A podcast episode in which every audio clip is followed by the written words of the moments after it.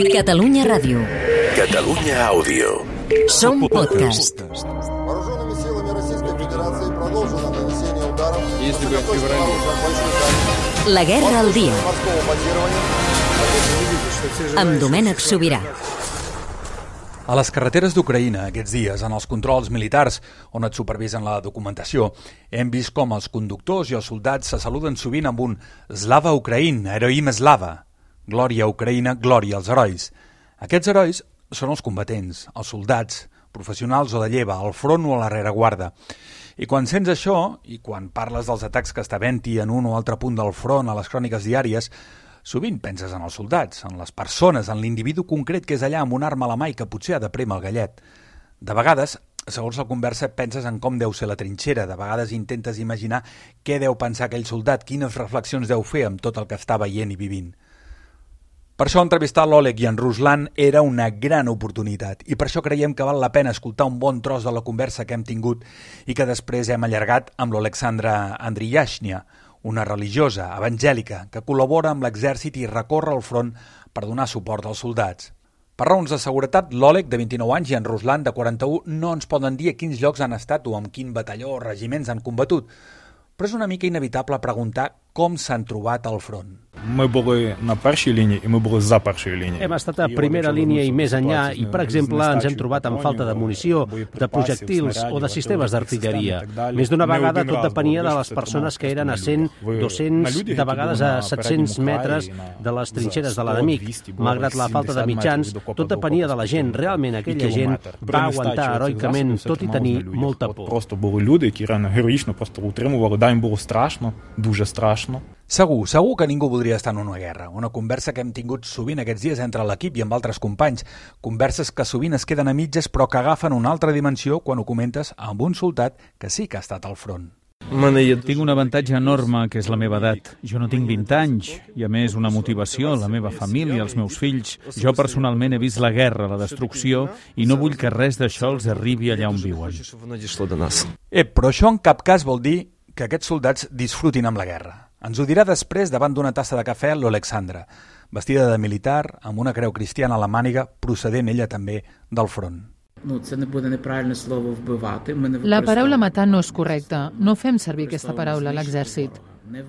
Parlant d'eliminar l'enemic, no matar una persona, sinó eliminar l'enemic.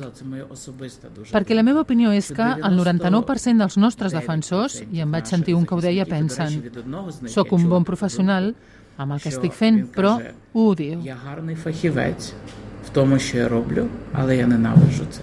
I com ens hem trobat? Doncs hem aprofitat que l'Òleg i en Ruslan tenien uns dies de permís a Nipro per quedar. Є можливість у нас е, Tenim possibilitat de descansar uns dies, però de vacances actualment no n'hi ha. El comandant, però, sempre mira d'entendre'ns i ajudar-nos i ens deixa sortir durant 3 o 5 dies. Ara, si ets a la primera línia, això és impossible. то на першій лінії. Так, це нереально. Tenen uns dies, però no tenen tot el temps del món i ens adaptem al lloc i l'hora que ens diguin. Ens trobem al final en un bar, en un centre comercial, en un racó, perquè puguin parlar lliurement i sense fresses. Vesteixen roba militar, no el mateix uniforme, però sí pantalons, botes, jaqueta un, forro polar l'altre, tot de tipus militar. Em queixem les mans, la veritat, són amables, molt educats, molt decidits també se'ls veu, molt tranquils, gens tímids, però sí seriosos i una mica sembla a l'expectativa del que els puguem preguntar. A veure què diu un soldat a la pregunta que sentíem tan sovint l'any passat per analistes i acadèmics quan Rússia va iniciar la seva ofensiva. Aquesta guerra es podria haver evitat? М, Я думаю... Crec que era impossible evitar la guerra perquè Rússia sempre ha estat un antagonista d'Ucraïna i un enemic del món lliure. Històricament sempre ha tingut pretensions sobre les nostres terres. La propaganda que fan no és la primera vegada que la difonen. L'agressió no ha sorgit avui ni ahir, l'estaven preparant des de feia molt de temps. Вона готувалася дуже довгий час. I aquí, si aprofundim una mica més en el tema, esclata un discurs que aquests dies ja l'hem trobat abans. La crítica, el ressentiment, el rebuig, la ràbia contra el veí que un dia va ser imperi, un altre dia va ser la Unió Soviètica i un altre dia va ser un estat autocràtic. Я народився в Радянському Союзі. Vaig néixer a la Unió Soviètica, vaig estudiar a la Ucraïna postsoviètica i vaig tenir l'oportunitat d'estudiar a Europa. Els meus fills també estudien a Europa. Jo he vist el contrast, la diferència, i la meva preferència és evident. I, ну, вибір був очевидний. Vist des d'Ucraïna, en aquest moment el debat crític sobre els defectes d'Europa difícilment faria forat, perquè ens acabem adonant que el debat no és només racional, té molt de motiu i té arrels molt fondes. Fins i tot en la cultura ens van inculcar que som petits russos, que som un poble humiliat. En general, tota la cultura de Rússia es basa a humiliar altres pobles que abans formaven la Unió Soviètica. Aquest conflicte fa anys i segles que dura i espero que la nostra generació hi posi punt i final i que els meus fills no sàpiguen què és el món rus ni l'agressió russa. Diu literalment que espera que la seva generació posi punt i final a aquest conflicte històric, obert o latent, amb Rússia. I dit això, i veient el front de guerra, fa por pensar quin preu estan disposats a pagar. I introduïm el tema, però realment costa sortir de la perspectiva del militar i entrar en un terreny més personal. Е, Зараз багато наших військових проходять навчання. Actualment, в molts militars закордонах, nostres е, estudien a щоб вони мали l'estranger можливість sota els estàndards de проходити l'OTAN, ці навчання. perquè Є tinguin люди, possibilitat які, d'estudiar, може, менш altres d'acabats de тільки reclutar мобілізовані, менш i amb poca підготовлені, preparació són a але primera зараз línia вони del знаходяться front на i першій aguanten лінії aquesta фронту invasió. і втримують Ells цю els навалу donen і temps per дають aprendre. можна так сказати, відтяжку в часі і можливість нашим військам е, нав- навчитись. Sona una mica a sacrifici, la veritat. I costa no pensar en els morts i els ferits, però es veu que compadir-los seria el pitjor que podríem fer. Amb la guerra, ells han estat treballant el seu ànim perquè estigui fort. Si tens la moral alta, confies en tu mateix, les teves armes, els teus companys, i estàs convençut que hi ha un sentit i que ets un guanyador.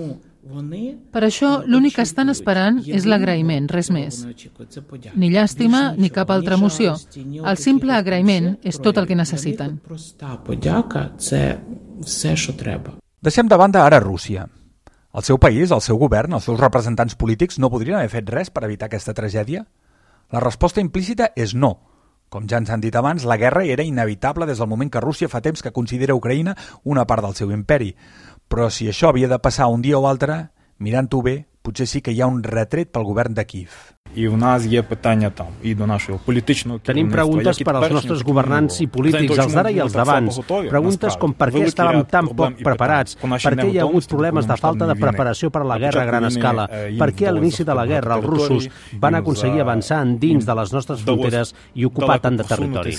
посунутись від наших е, кордонів. La veritat, vist el que hem vist aquests dies, ara mateix, la veritat, si a Ucraïna fessin una enquesta, molt probablement la institució més ben valorada seria l'exèrcit.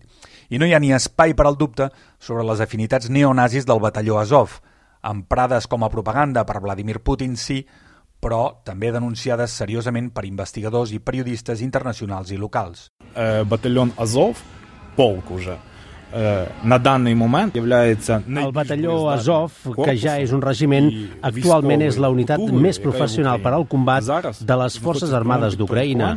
Ara està subordinada a les Forces Armades d'Ucraïna, segueix els seus estatuts i en aquests estatuts no hi ha cap referència a la ultradreta ni als que es mengen nens. Поїдателі мальчиків і так далі немає ні слова. Una altra pregunta inevitable, però difícil de contestar en un escenari tan dúctil com el d'una guerra. Fa dies, veient a les conseqüències que intentem teoritzar sobre quin és la sortida a la guerra. En primer lloc, hem de netejar aquesta terra d'invasors. Crec que no ho hem de fer amb negociacions o acords. Són ells els que van venir cap aquí i els hem de fer fora, sense compromisos ni converses. A mi m'agrada la posició del president. I rellegim això, això que, que acabem de sentir, el mateix dia que el Kremlin rus diu que que ells en cap cas volen atacar objectius civils, però que des del moment que l'exèrcit també depèn de l'aigua i l'electricitat, doncs aquesta infraestructura passa a ser objectiu militar. I afegia el portaveu Dmitri Peskov que la manera d'acabar-ho seria que Kiev s'avingués a les peticions de Moscou, que tampoc acaba d'estar clar quines són. Entregar els territoris del sud? L'Oleg ho té claríssim i s'agafa un llibre d'un psicòleg que ha estudiat les guerres. A la vida quotidiana, diu, sempre es busca un cert equilibri, que tothom hi guanyi.